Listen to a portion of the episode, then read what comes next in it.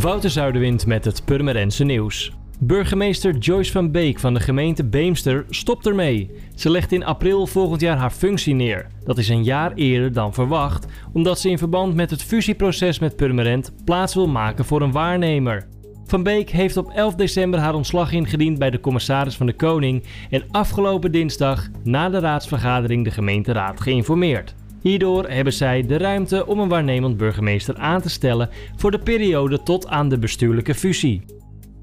De kinderafdeling van het Dijklander ziekenhuis in Horen stelt momenteel meermalen per week een opnamestop in omdat de afdeling overvol is. Noodgedwongen moeten op die momenten kinderen uit de regio naar ziekenhuizen verderop in Noord-Holland.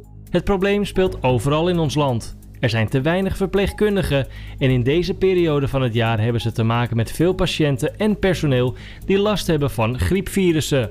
Het Dijklander heeft in Horen een kinderafdeling waar s'nachts 10 baby's en 20 oudere kinderen kunnen verblijven. In Purmerend is voor kinderen alleen dagbehandeling mogelijk. Om kinderen tijdens een opnamestop in Horen toch zorg te bieden, wordt samengewerkt met ziekenhuizen in Alkmaar, Amsterdam, Beverwijk, Haarlem en Zaandam. En de politie en dierenambulance zijn op zoek naar de eigenaar of verzorger van een overleden poes die afgelopen week is gedumpt in een vuilniszak langs het fietspad van het achterom.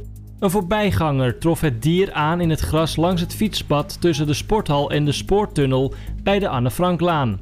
De poes is erg mager en heeft een flinke tumor. De dierenambulance komt graag in contact met de eigenaar, verzorger of eventueel getuige. Er is geen chip gevonden om de eigenaar te kunnen traceren.